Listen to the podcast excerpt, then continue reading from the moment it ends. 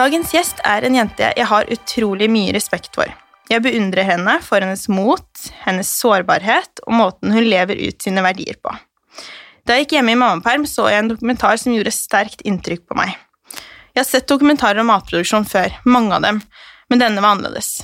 Denne var norsk, og dette var så nært. Det som likevel traff meg aller mest, var Norunn. Jenta som ikke ga seg, som med enorm sårbarhet og mot var villig til å gå langt og ofre mye for å få frem en urett som hun ikke klarte å la ligge. Jeg er så stolt over å ha deg her i dag. Velkommen til Klar, ferdig, glød, Norunn Haugen. Tusen takk. Kan du starte med å fortelle litt om deg? Hvem er Norunn? Ja, eh, jeg er først og fremst en person som brenner for eh, bedre dyrevelferd. Det har de kanskje alle fått med seg, håper jeg. Så det er litt van det er liksom Dyrevern har blitt en så stor del av identiteten min, så jeg og mine nærmeste pleier å snakke om at Norun er 99% dyrevern, og så er hun 1% andre ting. Så ja, det er egentlig det jeg vil svare på, på det. Uh, det er liksom Det går, det går i dyr hele tida. Mm. Både i prat og tanker og ja, stort sett hele dagen. Ja. ja. Um, jeg er veldig nysgjerrig på andres vaner, og dette er jo en podkast om helse og mat. Og så bare lurer jeg på sånn, Hvordan pleier du å starte dagen din? Ja, eh, jeg starter den med kaffe eller energidrikk. og så leser jeg Nasjonen. Det er en mm. sånn landbruksavis. For der skrives det ofte hvis det er noe relevant eh, i forhold til landbrukspolitikk eller dyrevelferd, så er de veldig ofte på banen. Um, og så skriver jeg liste over hva jeg skal gjøre i løpet av dagen. Sjekke mail og sånne ting. Eh, og så er jeg ikke så frokostmenneske, så jeg pleier først å spise sånn i kanskje tretida. Ja. ja. ja. Um, filmen 'Griseindustriens hemmeligheter' den traff meg utrolig sterkt. Vil du fortelle litt om dette prosjektet? Ja, eh, ja, det var jo jeg som begynte å tenke litt på hvordan disse dyrene i kjøttindustrien har det. Eh, jeg har jo alltid hatt et eh, engasjement og empati for dyr siden jeg var liten jente, eh, og har alltid vært veldig også opptatt av landbruk. Så jeg ønsket å finne ut hvordan dyrene har det i Norge. Og så startet jeg da med å ta kontakt med noen aktører i, kjøttindustrien og spurte om jeg kunne få komme inn og se, men da ble jeg avvist. Og det skapte en slags hva skal jeg si, en jeg hadde jo en slags bekymring i meg, da, en sånn dårlig magefølelse. Og det gjorde den magefølelsen bare enda mer uh, sikker på at uh, her, her, er det noe som skjules. Um, så da bestemte jeg meg for å uh, lage en historie. Um, og prøve å komme inn på den måten. Og jeg kjente jo til undercover-metoden, for den er brukt mye i journalistikken, både på menneskerettigheter og på dyrevern tidligere. Så mm. jeg har jo på en måte Eh, jeg kjente til den metoden eh, fra før av. Og så kom jeg da inn, eh, og fikk veldig stort sjokk. Jeg reagerte veldig sterkt, fordi jeg liksom, Paradokset i dette her, prosjektet er jo at jeg kanskje hadde det verste utgangspunktet for å gå undercover, for jeg har alltid vært et ekstremt følelsesmenneske. Og jeg tilhørte for, mange, for noen år siden da, de som ikke klarer å se eh, hadde, hadde, jeg ikke gått undercover, og noen hadde bedt meg om å se Griseindustriens hemmeligheter, så hadde jeg mest sannsynlig vært en av dem som ikke så den. Ja. Mm. Så, jeg, så jeg hadde Jeg tok meg veldig veldig nær av dyremishandling. Og jeg, jeg fikk en sånn kjempesterk reaksjon første gang jeg fikk se innsiden av slakteri. Mm. Um, og jeg ble måtte liksom virkelig skjerpe meg for å ikke briste. Og ja, jeg ble fysisk uvel. Men det var liksom Det jeg hadde sett, det var så sterkt. Og jeg hadde f.eks. hatt blikkontakt med en, en, sau rett før hun skulle avlives. De blir jo festet på transportbånd og dratt oppover mot et hull i veggen der de blir, eh, får elektrisk støt før de skjærer, skjærer, skjærer av strupen. Og det blikket der klarte jeg ikke å glemme, og jeg tenkte at det her bryter så mye med de reklamefilmene vi vanligvis ser, så nå må jeg eh, sørge for at offentligheten får vite om dette her, så jeg tok da i bruk skjult kamera og fortsette. Mm. Altså, jeg tenker at det er jo så mange som hadde bare snudd i døra når de fikk nei, og tenkt at liksom, ok, men da, da er det ikke noe å gjøre med det, liksom. Jeg kommer ikke videre, ok, da on to the next med livet mitt, liksom. Men Mm. du gjorde ikke det. Hva tror du Hva var det som fikk deg til å gå videre? Er du, har du alltid vært sånn? Ja, altså Familien min ble ikke overraska da de fikk høre hva jeg hadde gjort, et Mm. et par måneder før eh, dokumentaren kom. Så jeg kan jo kanskje vise til dem hvordan de beskriver meg. Eh, jeg har jo alltid vært en sånn veldig viljesterk person som, eh, som ikke er redd for å gå egne veier. Um, og og eh, jeg har Jeg vil si at jeg har veldig mye empati, særlig for dyr. Og hvis jeg er bekymra, så gjør jeg det jeg kan for å eh, finne ut av ting og hjelpe dem som jeg er bekymra for. Så jeg kan vel si at det var en slags bekymring slash um, uh, empati da, som, som fikk meg til å bare ikke gi meg. Mm. Mm. Hva er det som, som får deg til å brenne sånn for å fortelle dyrs historie? Det er jo det at de har jo ikke muligheten til å eh, fortelle sine egne historier.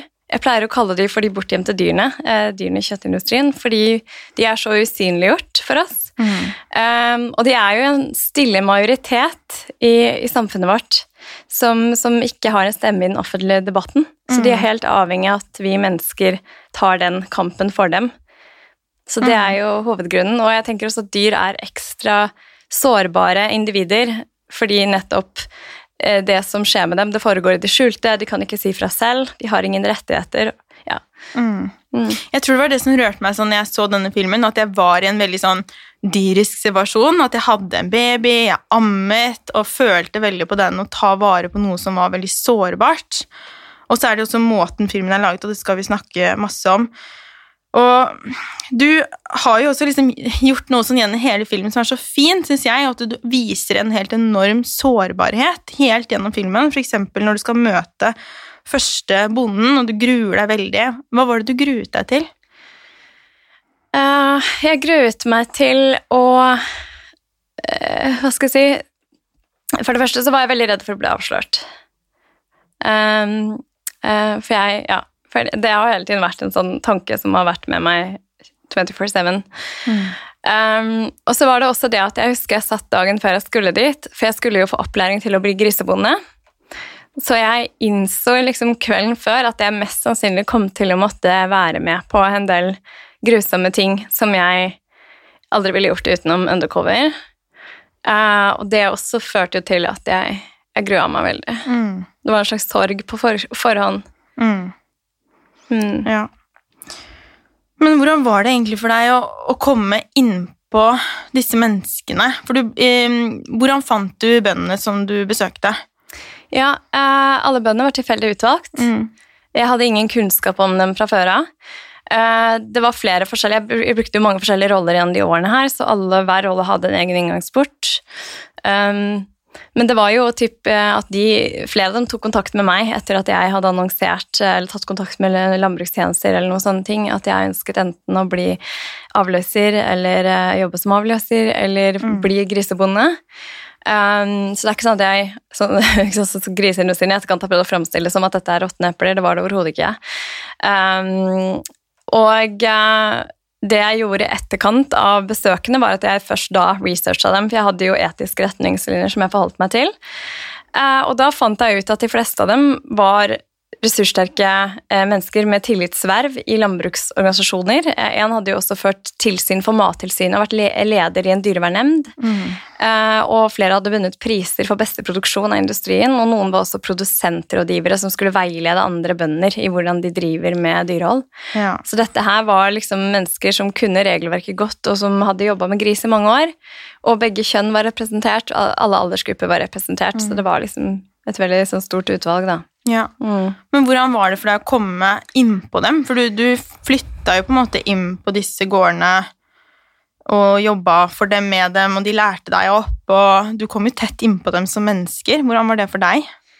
Ja, eh, jeg bodde ikke på gården. Nei, Jeg, jeg, ja, jeg bodde ofte på hytter, campingplasser og sånn rundt omkring. Ja. Um, jeg, eh, jeg er jo veldig glad i folk, og jeg ble glad i alle bøndene jeg møtte. Og um, det er litt sånn som jeg sier i dokumentaren, at selv når man spiller en rolle, så er man ikke en robot. Og jeg følte veldig på alle, alle sosiale ting som vi vanligvis ville gjort når man skaper en relasjon til et menneske. Eh, jeg hadde jo etiske retningslinjer, hvorav en av dem var at jeg alltid skulle unngå å snakke om eh, personlige ting og, og unngå mest mulig kontakt utenom på en måte jobbsituasjonen, da, og ikke snakke om private ting og sånne ting. Og det fulgte jeg så langt jeg kunne uh, hele tiden, uten at det på en måte skulle slå tilbake og virke litt for mistenksomt. Mm. Um, men jeg, jeg grå, har grått veldig mye for bøndene, og dagen da griseindustriens hemmeligheter ble vist, så satt jeg jo under et bord, for det første, og for jeg var så veldig Jeg har jo levd under en stein i mange år, så jeg var veldig sånn Eksponeringen var ganske Gikk veldig inn på meg. Mm. Uh, men da gråt jeg også litt uh, for bøndene den dagen. Mm. Uh, og det er ikke fordi jeg ikke var glad for at dokumentaren kom, men det var fordi jeg igjen Det går an å både ha omtanke for menneskene og dyrene. Ja. Men i NDK-prosjektet så var det jo da dyrenes lidelse, det er de som er den svake parten, som veide tyngst mm. for meg. Men, um, men, jeg har ingenting vondt å si om disse menneskene som personer, og jeg var veldig opptatt av å skille dem fra handlingene deres, for jeg ser disse handlingene som et uh, biprodukt av industri, industrialisert husdyrhold. At, de mm. puttet, at det er gode mennesker som har puttet inn i et kjempedysfunksjonelt system der det er umulig å ivareta god dyrevelferd. Ja, det snakker du jo mye om i filmen mm. også, at du skiller da mellom systemet, og det, det er jo den som du har fått som, som pushback. Jeg, sett, jeg, så filmen igjen nå før vi skulle møtes, og så også en del debatter du har vært med på, og det er jo det som går igjen, at det er sånn, dette er liksom, de skylder på bøndene, og de skylder på at liksom, ja, men det, de har ansvaret, og at de må bygge opp tilliten og sånne ting, men du sier at det er systemet som er feil. Kan du utdype det litt? Ja, det vi har, er at vi har hatt en landbrukspolitikk som særlig siden 1990 har eh, fokusert på å effektivisere spesielt grise- og kyllingproduksjonen. Dvs. det vil si at produksjonene skulle bli mer effektive. Det skulle produseres mer, og det skulle produseres på en mest mulig billig måte.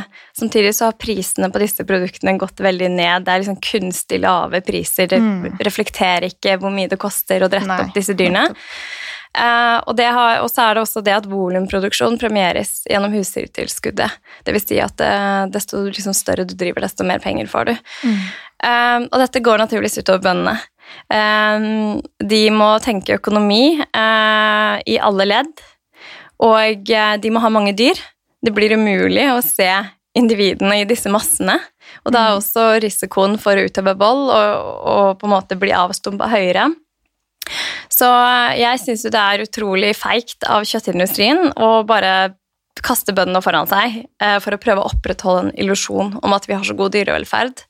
Eh, Isteden så burde de jo brukt denne muligheten til å sette nettopp denne negative utviklingen som også rammer bøndene hardt, på agendaen. Og det er det jeg forsøker. Jeg liksom prøver å få fram dette. Det er veldig viktig. Ja, og der føler jeg at du gjør en kjempegod jobb, og du er virkelig helt unik på den. Altså, Jeg har jo fulgt med på den type sånn kjøttdebatt i mange år fra ernæringsperspektivet.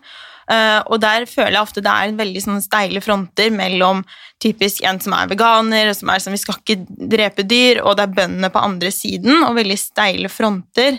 Men jeg føler at du får frem alle aspektene på en helt annen måte, og det er liksom rett og slett en debatt på et mye høyere nivå. Så ja, det er, det er en veldig, veldig fin uh, film på den måten. Men jeg opplever jo sånn sant, at jeg har jo studert ernæring og vet masse om hvordan mat funker i kroppen, og jobber masse med det. Men så når jeg får spørsmål om hvor, hvordan kan jeg vite hvordan maten jeg har på tallerkenen, hvor den kommer fra, og hvordan den har blitt produsert, så føler jeg at liksom, det er ikke så veldig lett for meg å finne den informasjonen. Hvordan har egentlig dyr det i Norge, sånn egentlig? Ja, Eh, jeg mener jo at minstekravene i regelverket, dvs. Si det de fleste bønder følger pga. økonomi, eh, er altfor lave. Og der har man også masse Jeg har jo skrevet en sånn rapport eh, som baserer seg på forskning fra bl.a. NMBU, som har sett på alle aspekter ved griseproduksjon i dag. Du kan gjerne få en kopi av den hvis gjerne. du vil. Ja.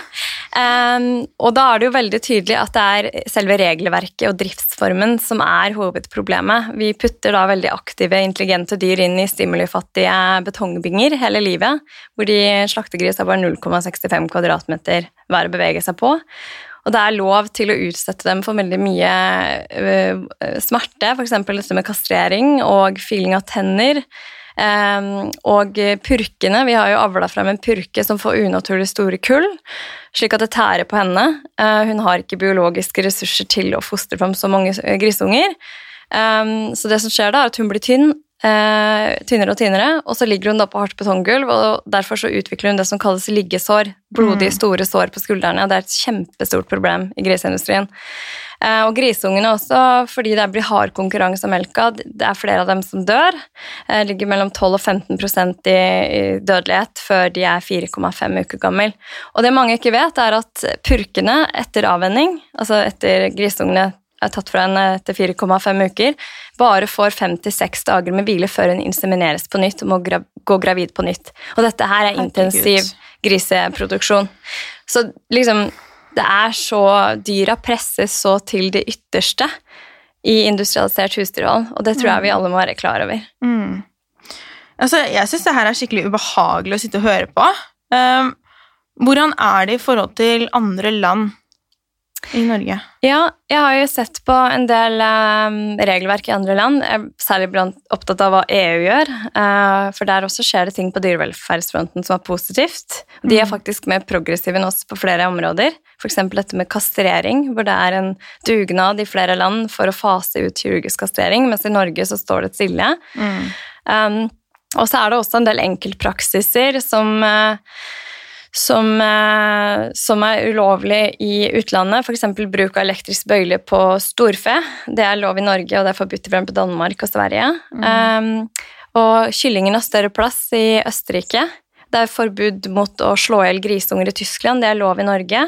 Og arealkravene for gris i EU og Norge er så å si like. Eh, der det er, det er liksom, du beregner ut fra antall kilo på grisen, ser du at arealkravene er helt like, og så skiller det seg bare med 0,15 kvadratmeter der det er forskjell. Mm. Jeg har vært veldig opptatt av denne myten om at Norge har verdens beste dyrevelferd, for den begrunnes aldri med noe fakta. Det er bare noe vi slenger ut. Um, så jeg tror det er viktig å være klar over at vi er, ja, vi er bedre på noe, og så er vi dårligere på andre ting, og så er vi like på veldig mange områder. Det er den samme eh, avlen, det er den samme driftssystemet, og regelverkene er som sagt minimal forskjellige. Mm. Da jeg så denne filmen, så spurte jeg mange rundt meg om de hadde sett den. Det var liksom alt fra nære venninner, type kollegaer, familie, og omtrent samtlige sa at de ikke hadde orket. Og dette er jo mennesker som jeg er veldig glad i. Eh, det er ikke alle som er opptatt av ernæring, så noen var bevisste på at de ville fortsette å spise pølse og kose seg med det. Uh, som jeg ikke orker å snakke så mye om. og så var det andre som var mer sånn Ja, men jeg har allerede sett mange sånne filmer og tar gode valg, og jeg vet at de er opptatt av dyrevelferd og, og sånn, da. Men dette er jo ikke sant, på en måte vanlige mennesker. Og så kjenner jeg at jeg blir provosert, men hvorfor tror du det er sånn? At vi liksom går med disse skylappene, at vi tenker at det er ok, å bare fortsette når vi egentlig vet at noe skjuler seg bak disse på disse gårdene da, og disse slakteriene, og at vi ikke vi, får, vi vil liksom ikke ta det inn. Mm. Nei, jeg tror at eh, det der med at mange ikke vil se filmen, det tror jeg det er litt interessant, fordi det viser jo egentlig at folk innerst inne vet at det er noe som ikke helt stemmer her. De har kanskje litt den samme magefølelsen som jeg hadde før jeg begynte med Undercover. Um, og jeg tror at um, i dag så er det blitt veldig sånn polarisert debatt, der man enten må være veganer, eller så, man, eh, eller så, må, så må man spise masse kjøtt. Og jeg tror at veldig mange tenker at hvis man ser en sånn film, så må man gjøre radikale, store endringer i livet sitt. Mm. Og det er der jeg kommer inn og sier nei. ikke sant? Eh, for jeg mener at dyrevelferd eh, skal være for alle. Og uavhengig om du spiser masse kjøtt, ingen kjøtt, eller er en bevisst forbruker, eller reduserer. Um, fordi jeg tror at det er viktig at, eh, at vi liksom unngår disse, denne svart-hvitt-tenkningen og, og, og, polarisering. For det gagner ikke dyrene, og det, det gagner egentlig ingen. Så jeg, det jeg pleier å si når jeg får høre at folk ikke vil se dokumentaren, for det er jo flere som kontakter meg og sier det, så sier jeg se litt og litt av gangen. Mm. Eh, og så kanskje gi et tips hvor de verste scenene kommer, så de kan være forberedt på det. Og så er jeg veldig opptatt av å si, eh, liksom anerkjenne at du gjør så godt du kan. Mm. Det tror jeg er viktig. Um, fordi eh, det er ikke så enkelt at vi kan redusere ansvaret til forbrukerne. Det, det, er ikke så enkelt. Dette her er som sagt et stort system som er laget, mm. og som, som, egentlig gjør det veldig vanskelig for forbrukerne både å velge bedre dyrevelferd Det er umulig, som du sier, å finne mm. uh, hva man skal kjøpe da. Uh, og det er liksom kjøtt er en så stor del av uh, kulturen vår at vi, det er nok mange som ikke helt klarer å se for seg hvordan, skal, hvordan de skal leve uten, uten dette kjøttet. da. Mm. Um, så, men jeg tenker jo, jeg som har vært der ute og sett dyremishandling på nært hold, og også har vært en del av de som ikke ville se den, så har jeg jo også noen ganger lyst til å si det er dyrene som, som lider her, og mm. jeg tenker at vi Det verste uh, vi kan gjøre, er ignor å ignorere det. Mm. Fordi vi må huske på at denne lidelsen den forsvinner ikke selv om vi lukker øynene våre. Eh, jeg kunne valgt å ikke gå undercover fordi jeg hadde lyttet til følelsene mine og tenkt at nei, det blir for jævlig for meg å gå gjennom det her. Men det handler noen ganger om at vi må, vi må sette andre foran oss selv noen ganger. Så jeg har litt lyst til å komme med pekefingeren der òg mm. og, og, si det at, at eh, Prøv å se dokumentaren og se den i ditt tempo. og ikke skam deg eller eh, tenk at du må endre på alt etter å ha sett den. Bare se den, så du i hvert fall er klar over det. Ja, Vi må jo begynne med å bli bevisste. Mm. Jeg pleier å tenke sammenligne litt sånn med at hvis du har en venninne som har kreft, og som sier sånn det er viktig for meg å snakke om at jeg har kreft, og så er det sånn åh nei, det er så fælt, jeg orker ikke snakke om det. Mm. Eller at noen har opplevd, sånn som alle barn som opplever mishandling. Om vi hadde snudd liksom, og bare sagt at vi orker ikke å høre om det, det er for ille å høre om at det skjer i norske hjem, det er så respektløst. Og det samme gjør vi jo mot dyr når vi ikke orker å ta inn over oss at dette skjer. Ja. Når det skjer hver dag. Ja. Så det Ja, men jeg vil snakke litt om hvordan det var for deg å være i denne situasjonen. Fordi du, du belyser jo det så utrolig fint, og der igjen er du veldig sårbar, fordi du viser at du også må gjøre ting som er fælt for deg. Uh, hvordan var det for deg å måtte skade dyr og være en del av den produksjonen som du selv tar så avstand fra? Mm. Nei, jeg, da jeg starta med det, så tenkte jeg at jeg aldri noensinne kom til å klare å være uh, en del av det her. Um, en ting er jo på en måte stå og være vitne, fordi det er vanskelig i seg selv. Uh, og mitt utgangspunkt, hvordan jeg har vært, er at jeg alltid griper inn. Jeg alltid siden jeg var lita jente grepet inn hvis jeg ser noen gjøre noe kjipt mot mennesker eller dyr. Jeg hadde sånn null terskel for å reagere. Så jeg måtte liksom handle imot mitt instinkt, da vil jeg si. Men så, så, hadde jeg et mantra som jeg sa til meg selv hele tiden, som var at um, de dyrene som allerede er der, de, er, eh, de kan du ikke gjøre noe for. Uh, og det er jo helt forferdelig tanke, det òg. For alt man vil, er jo å hjelpe dem. Men det, er, det var liksom veldig viktig for meg å være sånn kjempestreng mot meg selv. og bare Du er der for å dokumentere, ikke for å påvirke, ikke for å gripe inn. Du er der for å få fram et utilskjørt bilde, for det er det som vil gagne dyrene in the long run. Mm. Um, så jeg, det er litt sånn komplisert, den der historien der. Det er sårt fortsatt i dag å snakke om, for det er jo mange som på en måte Jeg har jo også vært i denne etterforskningen med Økokrim og ble, fikk status som mistenkt. Uh, ja, såpass. Ja, men så ble, ble jeg um, Det ble henlagt nå i mai mm. uh, med inntil straffbart. Og de mente at de hadde handlet i nødrett gjennom prosjektet for å forhindre at griser ble utsatt for den, for den samme behandlingen. Mm. Så da, det var jo veldig godt å få at de også forsto det.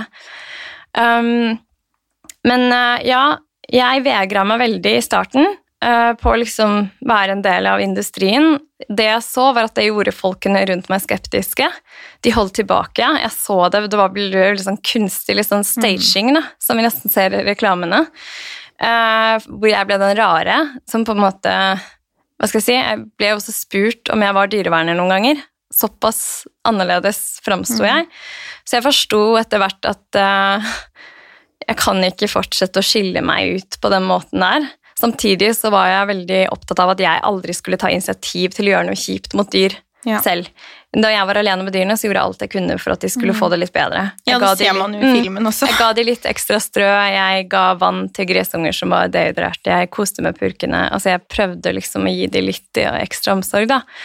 Um, så jeg husker at eh, det var på slakteri. Eh, da jobba jeg der, og da, da, var det sånn at man skulle drive kyrne eh, fra transporten til, eh, til avlivingsfella, som man kaller det. En metallboks som, eh, man, der man driver de inn, og så fikseres de. Hodet festes fast, og så får de en bolt i, i panna. Eh, og ingen av de kyrne ville jo inn der, for det er skarpe lyder, eh, mye stress. De merker jo at de andre dyrene er stressa, så sprer det seg, og det, det, er, det er en vond lukt. Det er veldig mye som ikke er naturlig for disse dyra på et slakteri. Og det skal gå veldig fort, fordi slaktelinja det er den som styrer hastigheten på alt der. Det skal være lønnsomt, og da skal slaktelinja ikke stoppe, og den skal gå fort. Og da husker jeg at vi, jeg prøvde å unngå å, å mm, liksom bruke driv, drivstav på, på kyrne. Eh, og jeg brukte hele hånda liksom, på å dytte litt på dem, og prøvde alt jeg kunne. Da. Og da husker jeg at det, det var en som sto og hang over sånn gelender og så på meg bare du må bruke drivstaven. Det er, det er ikke lov til å putte hånda inn gjennom de sprinklene. Og så prøvde jeg å unngå det, men så ble det flere som sa det til meg, og så tenkte jeg ok. Og det husker jeg var helt forferdelig den første gangen. Det glemmer jeg aldri. Det var en brun ku. Eh, hun, hun glemmer jeg aldri. Um, og eh, etter hvert så Det her blir veldig langt, men det er et litt sånn vanskelig tema. Um, men etter hvert så På grisefarmene, for eksempel, så når man jobber der over lengre tid, så blir man jo også veldig sånn avstumpa. Det også er litt sånn tabutema, som jeg også har vært litt sånn vært litt vanskelig å snakke om. Men jeg tenker at det er fint å være åpen om det, fordi da er det kanskje lettere for folk å forstå bøndene, og hvorfor denne dyremishandlingen som man ser, ikke er enkelttilfeller. Fordi man blir avstumpa når man går rundt og hører hyl og, og ser dyr som lider, og vasser rundt i død og lidelse, som jeg pleier å si. Det er umulig å ikke bli påvirket av det. Um, og jeg ble jo det, jeg òg. Um, og det først, jeg husker første gangen jeg ikke fikk sånn sterk reaksjon hvor jeg gråt i bilen etterpå. Da ble jeg veldig redd. Jeg fikk en sånn eksistensiell krise, nesten. Um, og jeg tenkte sånn, hva er det som skjer med meg? Har jeg blitt, eh, har jeg blitt følelsesløs? Eh, jeg ble kjempeskremt. Det var liksom ikke Norun lenger. Eh, men det som ikke forsvant, det var verdiene mine og empatien min. Og det er det jeg pleier å si, at empati måles ikke i tårer. For empati handler ikke om hva skal jeg si, tårer eller sånne ting. Det handler om evnen til å sette seg inn i andres situasjon. Og den forsvant aldri hos meg. Den ble egentlig bare sterkere, Ja. mitt engasjement for dyrene, gjennom dette her. Um, og eh, Ja, så, så det, var, det var forferdelig. Men det var noe som var nødvendig for å ikke bli avslørt, og for å få et utilslørt bilde. At jeg virkelig fikk se hvordan det foregår til daglig basis på, i, i denne industrien. Um, og noen ganger så sa jeg jo til og med alt for dyra inni meg. Um, Den gangen jeg måtte slå i en spegris, for eksempel, så skrek jeg det inni meg. Så det var liksom helt forferdelig. Ja. Ja, det er, det er veldig, veldig sterkt. Jeg har tårer i øynene. Så ja. Men um, ja um, Hvordan var det egentlig for deg disse årene? Det var jo særlig sånn når du bare Jeg kan ikke snakke med mamma min, og jeg bare jeg får så vondt av Norun i filmen, da, samtidig som jeg syns du er så modig. Jeg har så respekt for deg. Og um, så, hvordan har det vært for deg Hvordan var det da, og hvordan har det vært etterpå? Når du liksom i, i tiden etterpå skulle finne tilbake til deg da, og gå liksom ut av alle disse rollene. Hvordan har det vært? Ja, nei, det var veldig sårt det med familien min, fordi jeg, jeg skjøv de veldig fort vekk, og jeg husker ingen av dem skjønte helt. Jeg var kjempestreng mot mamma, sa hun får ikke lov til å kontakte meg, for jeg var redd for at hun skulle kontakte meg. Vi hadde hatt kjempetette bånd i alle år, og vi ringtes hver dag, og det, jo ikke, det ville jo ikke være mulig å få til når jeg drev med undercover. At hun og ringte meg og ble bekymra hvis jeg ikke svarte og sånn. Ja. Så jeg ble beinhard mot dem da, eh, og sa at de ikke fikk kontakte meg, og og de skjønte ikke hva som skjedde. Jeg husker broren min også spurte en gang Nore, hvorfor har du blitt redd for mennesker. For jeg var jo livredd for å bli avslørt, så jeg isolerte meg veldig og unngikk eh, kontakt med folk. Mm. Og hvis jeg gjorde det, som for eksempel noen ganger jeg måtte jobbe litt som lærer da, for å få penger til prosjekter, blant annet, så, så satt jeg for, for meg selv på en krok og lot ingen komme inn på meg. Jeg snakket aldri om dyrevern eller noe som kunne liksom mm, ja, knytte meg til det. Ja, avsløre deg, rett og slett. Ja. um, så og så hadde jeg da perioder hvor jeg drev, liksom, drev og lagde disse rollene og ikke var like mye ute, for det er jo, det er jo mer enn det å være fysisk ute. Jeg drev og brukte lang tid på å lage roller og historier. Det er kjempemye Ja. arbeid bak det. Og da hadde jeg litt mer kontakt med familien min, men jeg, ikke, jeg ble ikke kjent med noen folk, og jeg var veldig, ja, veldig redd for det. Jeg brukte også noen ganger alias hvis jeg måtte, møtte på folk, at jeg het eh, Lise, for eksempel. Ja. Um, så da jeg kunne fortelle familien min det, det var Jeg fortalte mamma det i april, dokumentaren kom i juni. Og det var kjempefint. Jeg var veldig stressa for hva hun ville tenke. Men hun tok det overraskende fint. Og jeg sier jo ofte at mamma er på mange måter forbildet mitt òg. Hun er liksom en sånn sterk dame som alltid har reagert på urett. Så jeg føler at mange av de verdiene som også fikk meg inn i Undercover, skyldes mamma. Eh, og faren min begynte å gråte, og vi satt og holdt rundt hverandre i bilen. eh, og han ble veldig stolt også. Og søsteren og broren min òg ble veldig stolte og syntes det her var kjempebra. Så den responsen, den, den var utrolig fin. Så bra. Um, og hvordan det har vært tida etterpå, ja, det um, Jeg trodde jo, det kommer kanskje ikke så tydelig frem i dokumentaren, men jeg var overbevist i alle de årene her at jeg kommer til å bli fordømt. Uh, fordi jeg tenkte at det her er en så kontroversiell metode at folk vil, kommer ikke til å ville ta i meg etterpå eller stole på meg eller ville ha noe med meg å gjøre. Mm. Uh, Så jeg trodde at jeg gravde min egen grav egentlig, uh, med dette prosjektet, men det var verdt det for meg, og jeg ville gjort det igjen. Eh, Så da jeg plutselig så responsen, at folk forsto hvorfor den metoden var nødvendig, og da, da ble jeg liksom helt sånn Jeg ble så glad og rørt, da, men så overrasket. Jeg hadde liksom aldri forutsett at folk skulle være så støttende. Jeg hadde jo tenkt at de ville støtte dyra, det var det viktigste, men at de også ville liksom støtte meg, det var, det var veldig spesielt, eller sånn for meg, da. Ja, jeg gått- ja. tror det, er, det er veldig mange som er stolte av at du har lagd denne filmen, og jeg tror det er fordi du er så sårbar i hele filmen, og vi gir så mye av deg selv, at du er ikke bare en, altså Jeg skjønner jo at mange er sinte ikke sant, av hva som skjer, men du viser det, eh, og du har en ikke sant, Du starter jo med å ha disse etiske retningslinjene for hvordan du skal gjøre dette. Det handler virkelig om å bare få frem noe som ingen andre har klart å få frem på den måten før. Så det er, ja, det er veldig hyggelig å høre at du fikk den støtten hjemme og i ettertid. Men, men har også mange mennesker altså, Har du opplevd at folk har blitt sinte på deg? Ehm, nei, jeg fikk også støtteerklæringer fra bønder i etterkant av dokumentaren. eh, mest ikke grisebønder, da. Um, men jeg merker, jeg merker for jeg, jeg jobber jo fulltid med dyrevelferd nå for å bedre den. Jeg har liksom spesialisert meg på gris, eh, blant annet politisk.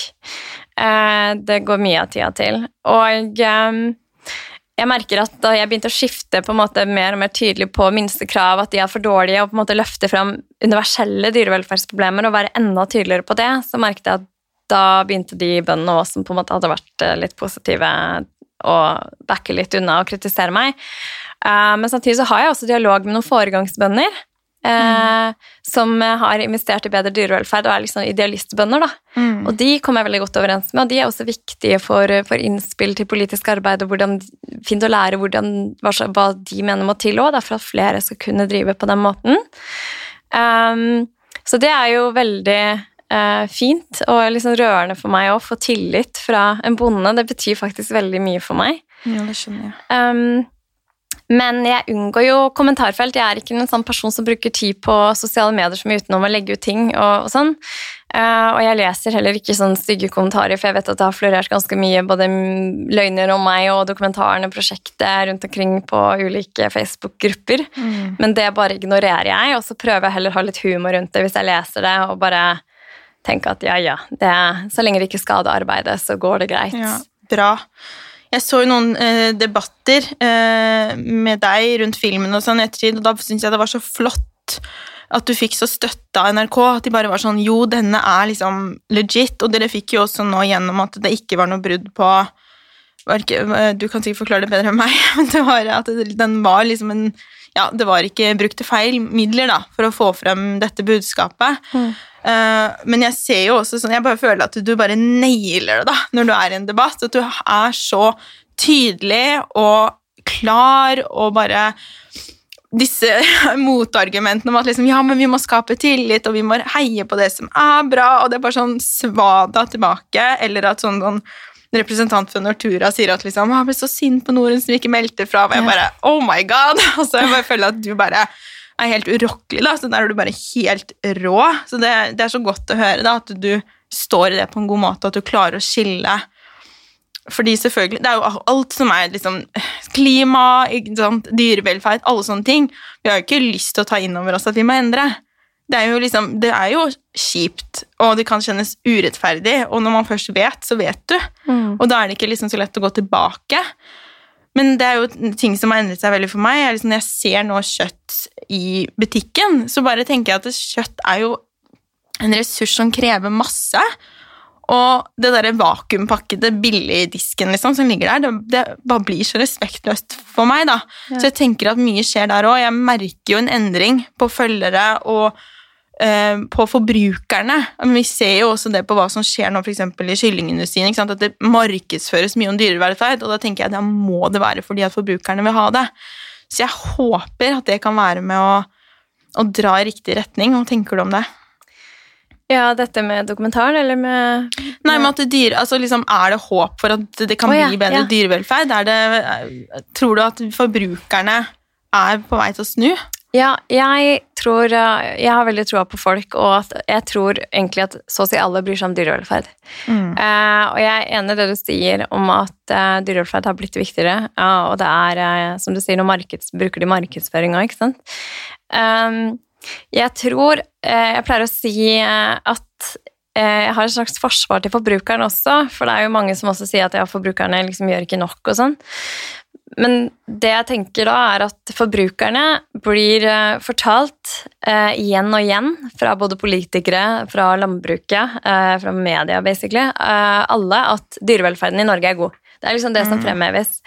Og hvordan skal da forbrukeren, når de står med en kylling eh, til kunstig lav pris, tenke at den prisen der er ikke forenlig med god dyrevelferd? For de blir jo fortalt at dagens praksis og dagens prisnivå er forenlig med god dyrevelferd. Så jeg tenker vi, vi kan snu litt på det på den måten at at, eh, for jeg hører jo ofte også landbruket si forbrukeren må betale mer, og man er sur på forbrukeren, men de forteller jo ikke om sammenhengen mellom lav pris og dårlig dyrevelferd, og, og også hvordan det rammer bøndene. Så jeg tenker vi må være mer åpne om det, og det også prøver jeg liksom å pushe når jeg først er i dialog med noen i næringen, f.eks., at uh, man gjør seg selv en bjørnetjeneste ved å ikke være åpen om konsekvensen av eh, dumpingpriser på kjøtt og det, mm. dagens landbruk. Fordi eh, det gjør jo ikke situasjonen heller bedre for bøndene, og det gjør det i hvert fall ikke for dyrene. Mm. Eh, så jeg, Det er derfor jeg ønsker liksom å spre åpenhet og er veldig opptatt av det. Og jeg syns også vi bruker ekstremt mye skattepenger på å subsidiere landbruket i året. Og jeg tenker at uh, når det er våre skattepenger, så har vi også rett til å vite hva de brukes til, mm. og hvordan disse dyrene behandles. Det er jo også um, en slags uh, demokratisk krav da fra meg om ja. det òg. Mm. Har du noen råd til oss som er Eller alle er jo forbrukere, da. Så hva Hvordan kan vi ta bedre valg som er bedre for dyrevelferd? Ja, jeg tenker Vi kommer ikke unna at billig masseproduksjon av kjøtt eh, er en stor årsak til industrilandbruket. Så, og det er veldig vanskelig f.eks. på gris da, å legge om til utedrift hvis det fortsatt er så stor produksjon som det er i dag. Så vi kommer ikke unna at vi må redusere noe på kjøttinntaket vårt. Mm. Og da pleier jeg å anbefale gris og kylling, for det er der det er størst lidelse og flest dyr. Um, og, og, jeg tenker også at man bør boikotte industrikjøtt, sånn som Gilde og Skjegger og Grilstad. De, de selger utelukkende kjøtt fra industrigris. Um, og heller da velge produsenter som, som faktisk har uh, tatt en risiko og investert i bedre dyrevelferd. Mm. Um, så det er Man trenger ikke å tenke enten-eller. Jeg tenker det bidrar det også i stor grad, da. Mm. Og det er nok også mer oppkommelig for folk. Det tror jeg. Ja. Men det er vanskelig å vite hva man faktisk skal velge i butikken. Og ja. har jeg forstått det riktig, litt sånn at de som lager ordninger som skal gjøre det bedre for grisene, eller liksom Altså Animalia dette, mm. dette kan ikke jeg så mye om, men at de også eies av Nortura, som igjen står bak Gilde? Ja, ja.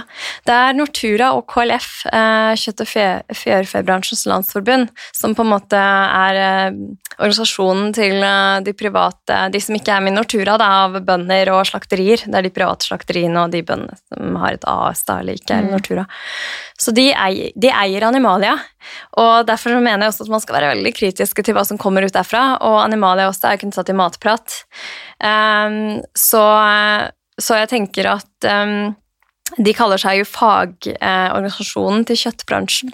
Mm. Men det er jo en interesseorganisasjon som, som, som, driver med kjøttpushing. Og noe som provoserer meg også, er hvordan man ukritisk har brukt animalet som en slags ekspert på dyrevelferd i noen, mm. noen programmer tidligere. Eh, at man ikke eh, informerer om at disse faktisk har økonomiske interesser i kjøttproduksjon. Mm. Og opprettholde glansbildet av dyrevelferden. Så, så det, jeg tror det er viktig også Jeg har jo prøvd det også når jeg har vært i debatt i Animalia, å møte dem med fakta, også som de selv har sagt, men da bare avfeier de eller prøver å snakke om noe annet. Um, ja, så jeg vil si at man kan ikke stole på Animalia. Mm, nei. Mm. Det er jo litt sånn som disse opplysningskontorene. At man ja. liksom tenker at det er liksom Helsedirektoratet. Litt sånn som når vi nå får reklame fra Helsedirektoratet om at vi skal vaske hender, og sånne ting, så får man liksom at melk er viktig for et sterkt skjelett. Hilsen Opplysningskontoret for melk. Og så vet man ikke at det er en interesse med organ som får støtte ut ifra hvor mye melk som selges. Mm. Altså, selv meg, jeg som er utdannet innen ernæring, trodde jo det i mange år, at det var bare et sånn opplysningsorgan som på en måte staten eide, og så er det noe helt annet. Så det er utrolig lett å trå feil. Ja. Og som forbruker så kan man jo lett bli litt sånn Åh, er det Det føles nesten håpløst til slutt, ikke sant? Å skulle ta gode valg, og at mm. ingenting blir på en måte bra nok. Ja. Men hva gjør du Altså, jeg er jo litt nysgjerrig på hva du spiser. Det, hva, hva, tenker du om å spise dyr, og gjør du det selv? Uh, ja, jeg tenker jeg får det spørsmålet der veldig ofte. og hver gang så sier jeg at jeg Altså, jeg lever mest mulig dyrevennlig, men jeg ønsker ikke å putte med Jeg kan ikke puttes i en boks, uh, og jeg ønsker heller ikke det, fordi jeg har den grunn, grunnleggende holdningen til at dyrevelferd skal være for alle.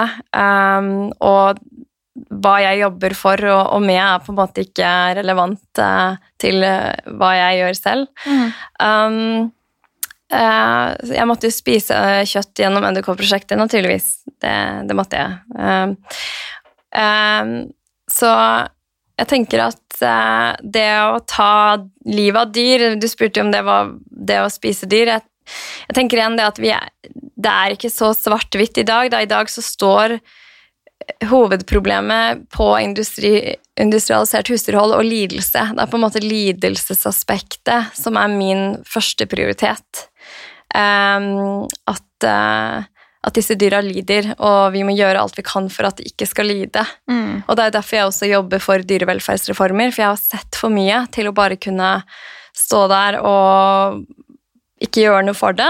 Jeg må prøve å gjøre det bedre for de dyrene som, som er i denne industrien, og så også prøve å endre landbruket vårt vekk fra industrialisert mm. husdyrhold.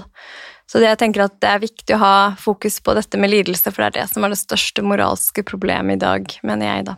Ja, enig. Og det er jo veldig mye Dyr er jo en del av øh, tradisjonell matproduksjon, også med liksom, at deres avføring er gjødsel, og det er jo sånn derre der, hele det liksom livshjulet, holdt jeg på å si. Så det er jo på en måte ikke så enkelt som å si at vi bare vi skal aldri liksom ha dyr. Mm. Og veldig mange som har det fins jo gårder hvor uh, man driver veldig bra, uh, og det er jo mer å støtte dem og så mer gå, gå, den veien. Vi er nødt til å endre vaner hvis det skal bli bedre for dyrene, ja. rett og slett.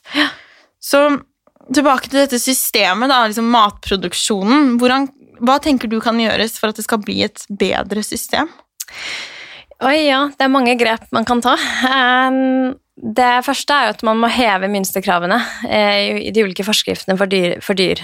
Eh, for eksempel forskrift om hold svin, forskrift om hold fjørfe. De har jo forskrifter som skal bygge på dyrevelferdsloven, mm. men min, mitt, eh, mitt, budskap er jo at disse forskriftene ikke er i tråd med dyrevelferdsloven. Um, og så er det dette at uh, man må Jeg er jo veldig positiv til uh, Jeg er veldig glad i sånn gulrøtter, ikke bare pisk, overfor mm. bøndene. Så jeg, mitt drømmescenario er jo at uh, husdyrtilskuddet, det, det vil si det vi, de får i tilskudd per dyr, det må økes. Fordi for de bøndene som f.eks. de med utegris, eller har gjort betydelige investeringer for å bedre dyrevelferden. Mm. Um, for da vil de bli premiert, og så kan det også stimulere flere bønder til å gå den veien. Eh, og så må vi få ned kjøttforbruket vårt på særlig gris og kylling. Um, og jeg tenker også at uh, jeg, ønske, det jeg ønsker er at bønder skal kunne ha langt færre dyr enn i dag. At vi heller kan ha flere gårder. ikke sant? Det er mm. eh, lagt ned eh, rundt ja, Én av fem gårder er lagt ned siden 2008. Eh, og så blir ja. det stadig større gårder, altså større enheter. da, Sånn sentralisering. Mm. Um, så så jeg tenker at eh, staten må ta et ansvar, og forbrukerne må ta et ansvar, og bøndene må ta et ansvar. Fordi dessverre er det i dag slik at Bondelaget og kjøttindustrien generelt de motarbeider alle forsøk på å bedre dyrevelferden. Jeg har sittet med alle høringsinnspill fra Bondelaget fra mange år tilbake. Jeg går gjennom mye sånne ting, og da ser jeg at det aktivt motarbeides, og at også ofte mm, Landbruksdepartementet og myndighetene tar innspillene fra industrien til etterretning istedenfor for f.eks. de som ønsker bedre dyrevelferd. Så det er et veldig sånn, sterkt fokus på næringsinteresser også i politikken. Mm. Um, så jeg kunne ønske at Bondelaget heller kunne vært på lag med fremtida og heller frontet bedre dyrevelferd. Og det paradoksale her er jo at jeg f.eks. i politisk arbeid fronter jo bedre økonomiske rammevilkår for bønder. Uh, mens jeg kan ikke se at Bondelaget promoterer bedre dyrevelferd. Så det er litt sånn interessant da, at det går an å gjøre begge deler, mm. for det henger sammen. Um, ja, og så ønsker jeg også, det er litt sånn detaljnivå, men konsesjonsgrensa, dvs. Si hvor mange dyr en bonde kan ha eh, per innsett eller omsette i, eller slakte eh, i året. På avlspurker f.eks. er det 105 avlspurker du kan ha til enhver tid, pluss ubegrensa mange ungpurker og smågris. Eh, så jeg ønsker strammere regulering av antall dyr du kan ha, da. og også mm. at man eh, kanskje halverer konsesjonsgrensa, altså maks antall dyr du kan ha, men gjør det lønnsommere å drive mindre enn det er å drive stort. Og i dag så er det det ja. å drive stort som er mest lønnsomt. Ja, ikke sant. Mm. Fordi det, det, Sånn som jeg har forstått det, så er det jo mye det at det, fordi at ting skal gå så effektivt, så blir det litt sånn at hvis bonden skal ikke slå grisene, da, ikke sant, mm. og dra dem i ørene og i halen og alt sånn, og det som du viser i, i, filmen, og at ikke slakting skal skje på den måten som det gjøres nå, ja. Så vil de på en måte tape penger på å drive. ikke sant? At det er derfor de blir pressa? Ja, den volden oppstår i forbindelse med rutinearbeid. Det er det som er så trist, for det betyr at det skjer daglig. Eh, det oppstår ikke fordi de er sadister, det er fordi det er tidspress. Du skal rengjøre ekstremt mange binger mm. hver dag. Eh, og slaktegrisene særlig er jo veldig understimulerte pga. dette fattige levemiljøet de er satt inn i. Så de mm. kjeder seg, og de utvikler tvangsatferd. Og en av den type atferden er å bite på alt mulig. De biter mm. på halene til hverandre, det er et kjempestort problem. Og de biter på, på bukser og alt og inventar i bingene. Det er, det er egentlig atferd som ikke er naturlig for grisen å utføre. Ja. Um, så da blir bøndene sinna, for de er stressa og de har dårlig tid. Og istedenfor å på en måte se på denne atferden som et symptom på kjedsomhet, så tar man heller og slår til dem for å skremme dem fra å gjøre det igjen. Og det er det som er så trist, at når dyra prøver å kommunisere at de lider, så svares det med vold. Det var min observasjon også på slakteriene. Når dyra stopper opp og reagerer med frykt, så blir de slått fordi de må gå fort. Ja. Så vi har laga et system som egentlig ikke er eh, tilpassa levende dyr. Mm. Um, hvor de nærmest blir uh, bare sånne objekter som man kan gjøre hva man vil med. Um, og det med vold også er det med driving. Hvis du skal drive 40 purker og har veldig mye å gjøre i løpet av en dag, så disse purkene de er levende dyr, de stopper opp. De er ikke så vant til å gå rundt, for de står i disse stimulifattige bingene. Så alt er litt sånn skummelt og nytt. Uh, og det har man ikke tid til, for man tenker kroner og øre i alt man gjør, og det koster, sånn som Nene Bonden sa også, at det, uh, man må tenke kroner og øre i alle ledd. Og, og, når du også har mange dyr, så er det mye mer eh, hva skal jeg si, effektivt å slå løs på dem for å få dem til å gå fortere. Og det er det som er så trist. Mm. Hvis du hadde hatt færre dyr um, og mer tid, bedre økonomi, så ville man forhåpentligvis i hvert fall ikke ha utøvd vold mot disse dyrene. Det samme skadde dyr um, som blir da dratt etter ørene, og skal, man skal flytte på dem. Hvis man bedrer levemiljøet til grisene, så unngår man også mange av de produksjonslidelsene som leddbetennelse, f.eks., som er en mhm. stor årsak til at mange griser blir syke og må flyttes. Og det, det må jo være mye svinn, jeg vet ikke det blir helt feil ord, da, men, Mm. men det må jo være mye det når dyr blir syke og må avlives, og det kan jo ikke være Ja, det blir en del svinn, men det som også er at levealderen for særlig slaktegris er bare 5,5 måneder. Så det er også begrensa hvor raskt de rekker, og hvor sjuke de rekker å bli. Da. Men det er jo f.eks. luftveisinfeksjoner pga. dårlig mye støv i, i fjøset er jo også veldig vanlig, og det finner man jo nærmest ikke hos utegris, f.eks. Ja. Eh, og dette med bogsår og halebiting finner man heller ikke hos utegris, så det er veldig mye av disse tingene man så det kan også være økonomisk å drive med utegrist, hvor du sparer en del på behandling og veterinærutgifter. ja. Og du slipper også å bruke masse tid på rengjøring av enkeltbinger. Så sånn sett kan det også være lønnsomt å drive med utegris. Um, ja, det blir litt digresjoner her. Men Nei, nei, jeg synes det er veldig interessant, fordi det er jo ikke noe som jeg på en måte bare kan google meg til selv. Mm. da. Du har jo så mye kunnskap. Jeg sitter jo bare og kjenner sånn altså bare et enormt ubehag av å høre om hvordan disse dyrene har det, og jeg knytter veldig sånn linjer mot Altså, jeg har jo to hunder og, og en snart treåring. Og jeg har jo akkurat samme, altså min, Mine hunder er sånn, Hvis ikke jeg går turer med de og sånn, så begynner de å slikke seg på potene og får sår. ikke sant? Og de kan få innbilt svangerskap. og Det er liksom, det er ikke måte på. ikke sant? De trenger jo stimuli. Mm.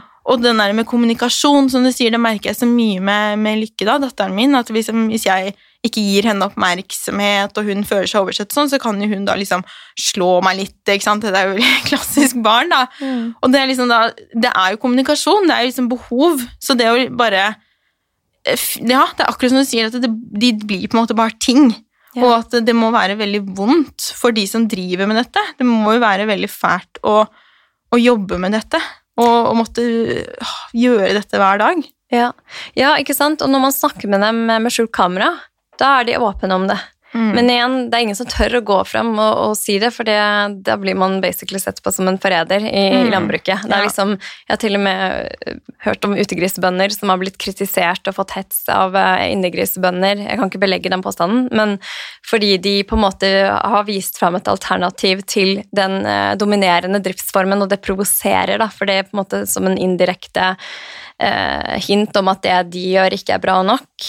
Så det er veldig mye sånn Det er lite varsling, og det er jo det jeg merka da jeg gikk undercover. Det er veldig lite fokus på det å si ifra. Eh, til og med veterinærene, eh, og også veterinærer fra Mattilsynet, så jo mye både lovbrudd og også dårlig behandling av dyr uten å gjøre noe med det. Så det er en veldig lukka industri hvor det å varsle blir sett på som noe negativt, og derfor så får det her foregå i hemmelighet. Men jeg har veldig respekt for de få bøndene som tør å faktisk si at ja, vi har store dyrevelferdsproblemer, og vi må gjøre noe med det. Men det er dessverre ikke så mange som tør å si det høyt, men jeg tror nok det er flere som tenker det, enn de som tør å si det. Ja. Men det var jo også veldig mange ganger i filmen at, at de sa sånn Hvis det hadde vært et skjult kamera her nå, eller eh, hvis det hadde vært noen liksom en sånn dyrevelferdsperson, eller hva de sa, da, liksom sånne ting. Det, hvordan var det for deg å liksom filme det da? Var du redd, liksom, eller skjønte du sånn da, at det Tenk om Ja, altså starten, for den, den har gått igjen ganske mange ganger. De er veldig bevisste på det at dette ville se dårlig ut. Um, det er derfor det også er så vanskelig å oppdage det, for det er jo ikke noe man gjør foran Mattilsynet eller på åpen gårdarrangementer. Der putter man jo også til og med grisene ut, og et par griser ut, og viser fram noe helt annet enn hva som er virkeligheten. Så det er en sånn staging hele veien. ja. Um, men, um, men det var, det var uh, Første gangene ble jeg litt stressa. Og liksom, er det en sånn test for å se om jeg har skjult kamera? For jeg skilte meg ut. Jeg var en ung jente ikke sant, som plutselig skulle jobbe med gris. Mm. Um, og, uh, men etter hvert så begynte jeg bare å skjønne at det var bare en ting de sa. Kanskje for å få frem hvor ille det var, muligens. Mm. Men det er jo særlig den kastreringsepisoden som filmen avsluttes med, nesten. Da sa han jo det er det skjult kamera nå, mister jeg retten til å drive med dyr. Det gjorde han for øvrig ikke, eh, så det er bare det jeg har sagt. Um, men da opplevde jeg det som at han sa det fordi han hadde en liten frykt om det. For å liksom Ja. teste min respons, og det er da det gjelder når man går undercover, å bare være helt rolig, ikke bli stressa, Mm. uansett. Og det er jo veldig mange situasjoner man kommer opp i på undercover, man står der alene og vet ikke hva man skal gjøre, og hvor man jeg har jo liksom basically følt at jeg blir avhørt noen ganger i startene, og man må liksom holde maska, ikke rødme, man må klare å huske historien sin, detaljer om ting. Så det er veldig sånn krevende også emosjonelt. Da. Man blir jo veldig sånn i alarmberedskap hele tida. Um, og så er det det å passe på at kamera funker som det skal, og det å se all den dyre lidelsen. Så det er veldig mye inntrykk som, som sitter i det, også den dag i mm. dag. Ja. Men har du fått noe hjelp til å bearbeide dette i ettertid, liksom? Eller har du følt jeg, at det var verdt det sånn? Ja, jeg, jeg føler at Jeg har ikke fått noe hjelp, og jeg har heller ikke ønsket det. Jeg har blitt tilbudt det, men jeg har takket nei. Og jeg har liksom håndtert dette her på min egen måte. Uh, og jeg jobber jo fortsatt med lidelse hver dag, mesteparten av døgnet. Uh, og det påvirker, ja, men det gjør det desto viktigere at jeg blir på en måte hva skal Jeg si, jeg har sagt at det er en slags sånn blessing at jeg har blitt litt sånn avstumpa. da, fordi hvis jeg skulle sittet og grått og følt på alt det jeg ser og, og jobber med, og, følt, altså, og det er mye motgang når man mm. jobber for å bedre dyrevelferden, spesielt i landbruksdyrene, så, så tenker jeg at eh, jeg har på en måte funnet en måte å gjøre meg selv hard på når jeg jobber. Og så kan man jo diskutere kanskje hvor sunt det alltid er, men jeg har måter å ventilere på. Eh, jeg går jo mye tur, f.eks., og hører på heavy metal. Jeg er mm. veldig glad i det. Og jeg spiller også piano. Og jeg har også noen få veldig nære mennesker i livet mitt som jeg også kan snakke med hvis jeg trenger det. Uh, senest i går fikk jeg litt støtte, så jeg, jeg, har liksom veldig kjærlighetsfulle mennesker rundt meg som vet hva jeg har gått igjennom. Um, og uh, ja, så jeg prøver også å føle litt etter, og da pleier jeg å se på Sweetie, favorittpurka mi, som jeg har vist fra Mia, og da ser jeg på filmer av henne bare for å føle noe, og da hender det jo at jeg også gråter. Uh, men når jeg jobber, så er jeg veldig beinhard. Det må man være. Mm. Du er jo i en rolle, og du gjør jo en utrolig viktig ting for alle oss som har lyst til å lære mer, og og det, jeg tror det er Jeg tror og håper og mener at det er flere og flere som får øynene opp for det her, og at uh, vi trenger flere som tør å gå så langt som det du har gjort. Selv om jeg, jeg vet ikke om vi kommer til å få noen som uh, gjør en like stor uh, innsats. Og så syns det er utrolig hva du har fått til.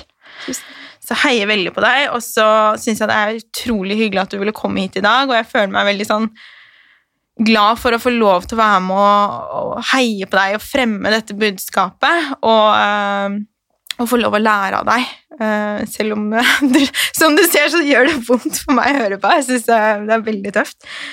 Uh, men det bare viser deg hvor viktig det er å få frem. Takk. Og så vil jeg si takk for at du også løfter frem dyrene, og det trengs. Så jeg setter kjempestor pris på det. Jeg vil bare også avslutte med å si at eh, jeg også har inntrykk av at flere og flere bryr seg om dyrevelferd, og jeg har en sånn tro på at vi Det, det høres kanskje klisjé ut, men vi må aldri miste håpet om at det er mulig å få en bedre fremtid for dyrene. Fordi hvis vi mister det håpet, da går det i hvert fall ikke i riktig retning.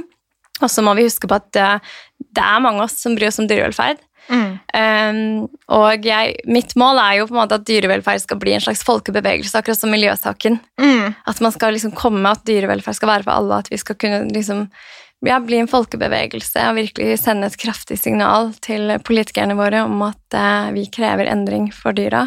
Ja, mm. Og ha som mål at vi faktisk skal være det landet med best dyrevelferd. Ja, ikke bare som en uh, rosemalt uh, slogan, men ja. at vi faktisk er det og går Jeg tenker det veldig ofte når man snakker sånn på politikk, så er det sånn Ja, men vi har det så bra. Og så er det sånn Ja, men hva om vi bare er sånn Vi kan bli bedre! Og liksom mm. fokus på hva vi kan gjøre bedre. Ja. Helt til slutt så pleier jeg å spørre alle gjestene hva er det som får, uh, får deg til å gløde?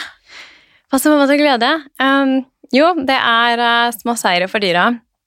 Uh, og jeg er uh, veldig opptatt av å se seire i selv de minste ting. så det får meg til å gløde. Ingenting som gjør meg mer glad enn det. Og det å være med dyr. Det å få meg til å gløde. Og det å snakke med mennesker som bryr seg om dyrevelferd, sånn som deg, det gjør meg veldig Takk. glad i hjertet og får meg til å glede. Så, mm. Hvordan kan vi som hører på, og, og jeg, støtte deg videre i dette arbeidet? Eh, ja, takk for at du spør om det. Jeg eh, er jo uavhengig, eh, så det vil si jeg er ikke knytta til noen organisasjon, og det er veldig viktig for at det arbeidet jeg gjør. Så jeg har jo hatt en sånn Patron-side. Det er link på Instagrammen min, patron.com nordhaugen, der man har muligheten til å støtte meg med alt fra rundt sånn fem kroner til hva man vil. Eh, og det, alle, all, de pengene går til at jeg kan jobbe fulltid for dyrene, og også da nødvendige utgifter som tra transport eller utstyr hvis det er noe jeg trenger til eh, prosjekter. Da. Mm. Så jeg setter stor pris på de som støtter. Ja, Mm. oppfordrer til det, og vi legger linken i, um, i beskrivelsen. Tusen takk. Uh, og så, hvor kan vi følge deg videre, og eventuelt andre, hvor kan vi lære mer? Hvis man sitter nå og bare wow, det her var mye ny informasjon, hva, unntatt å selvfølgelig se griseindustriens hemmeligheter. Den Ja. oppfordrer jeg alle til å se. Og selv om det kjennes vondt, uh, og man gruer seg litt og sånne ting, så anbefaler jeg så innmari å se den, for den er så fin, den filmen, og den er så annerledes enn mange andre sånne, sånne filmer, mange andre lignende filmer om, eh, om eh, matproduksjon. Så hvor kan vi eh, finne deg?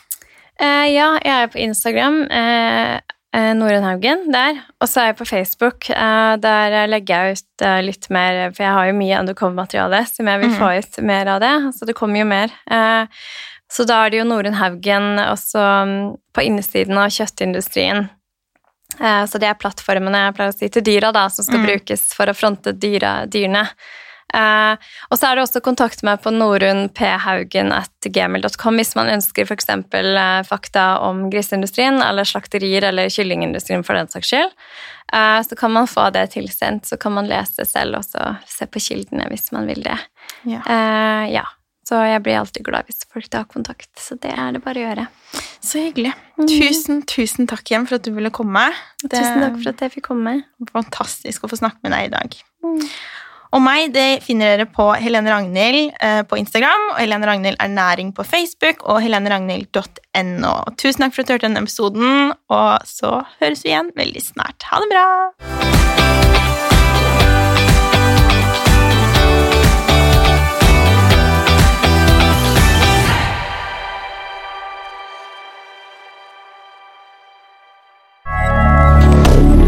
Moderne media.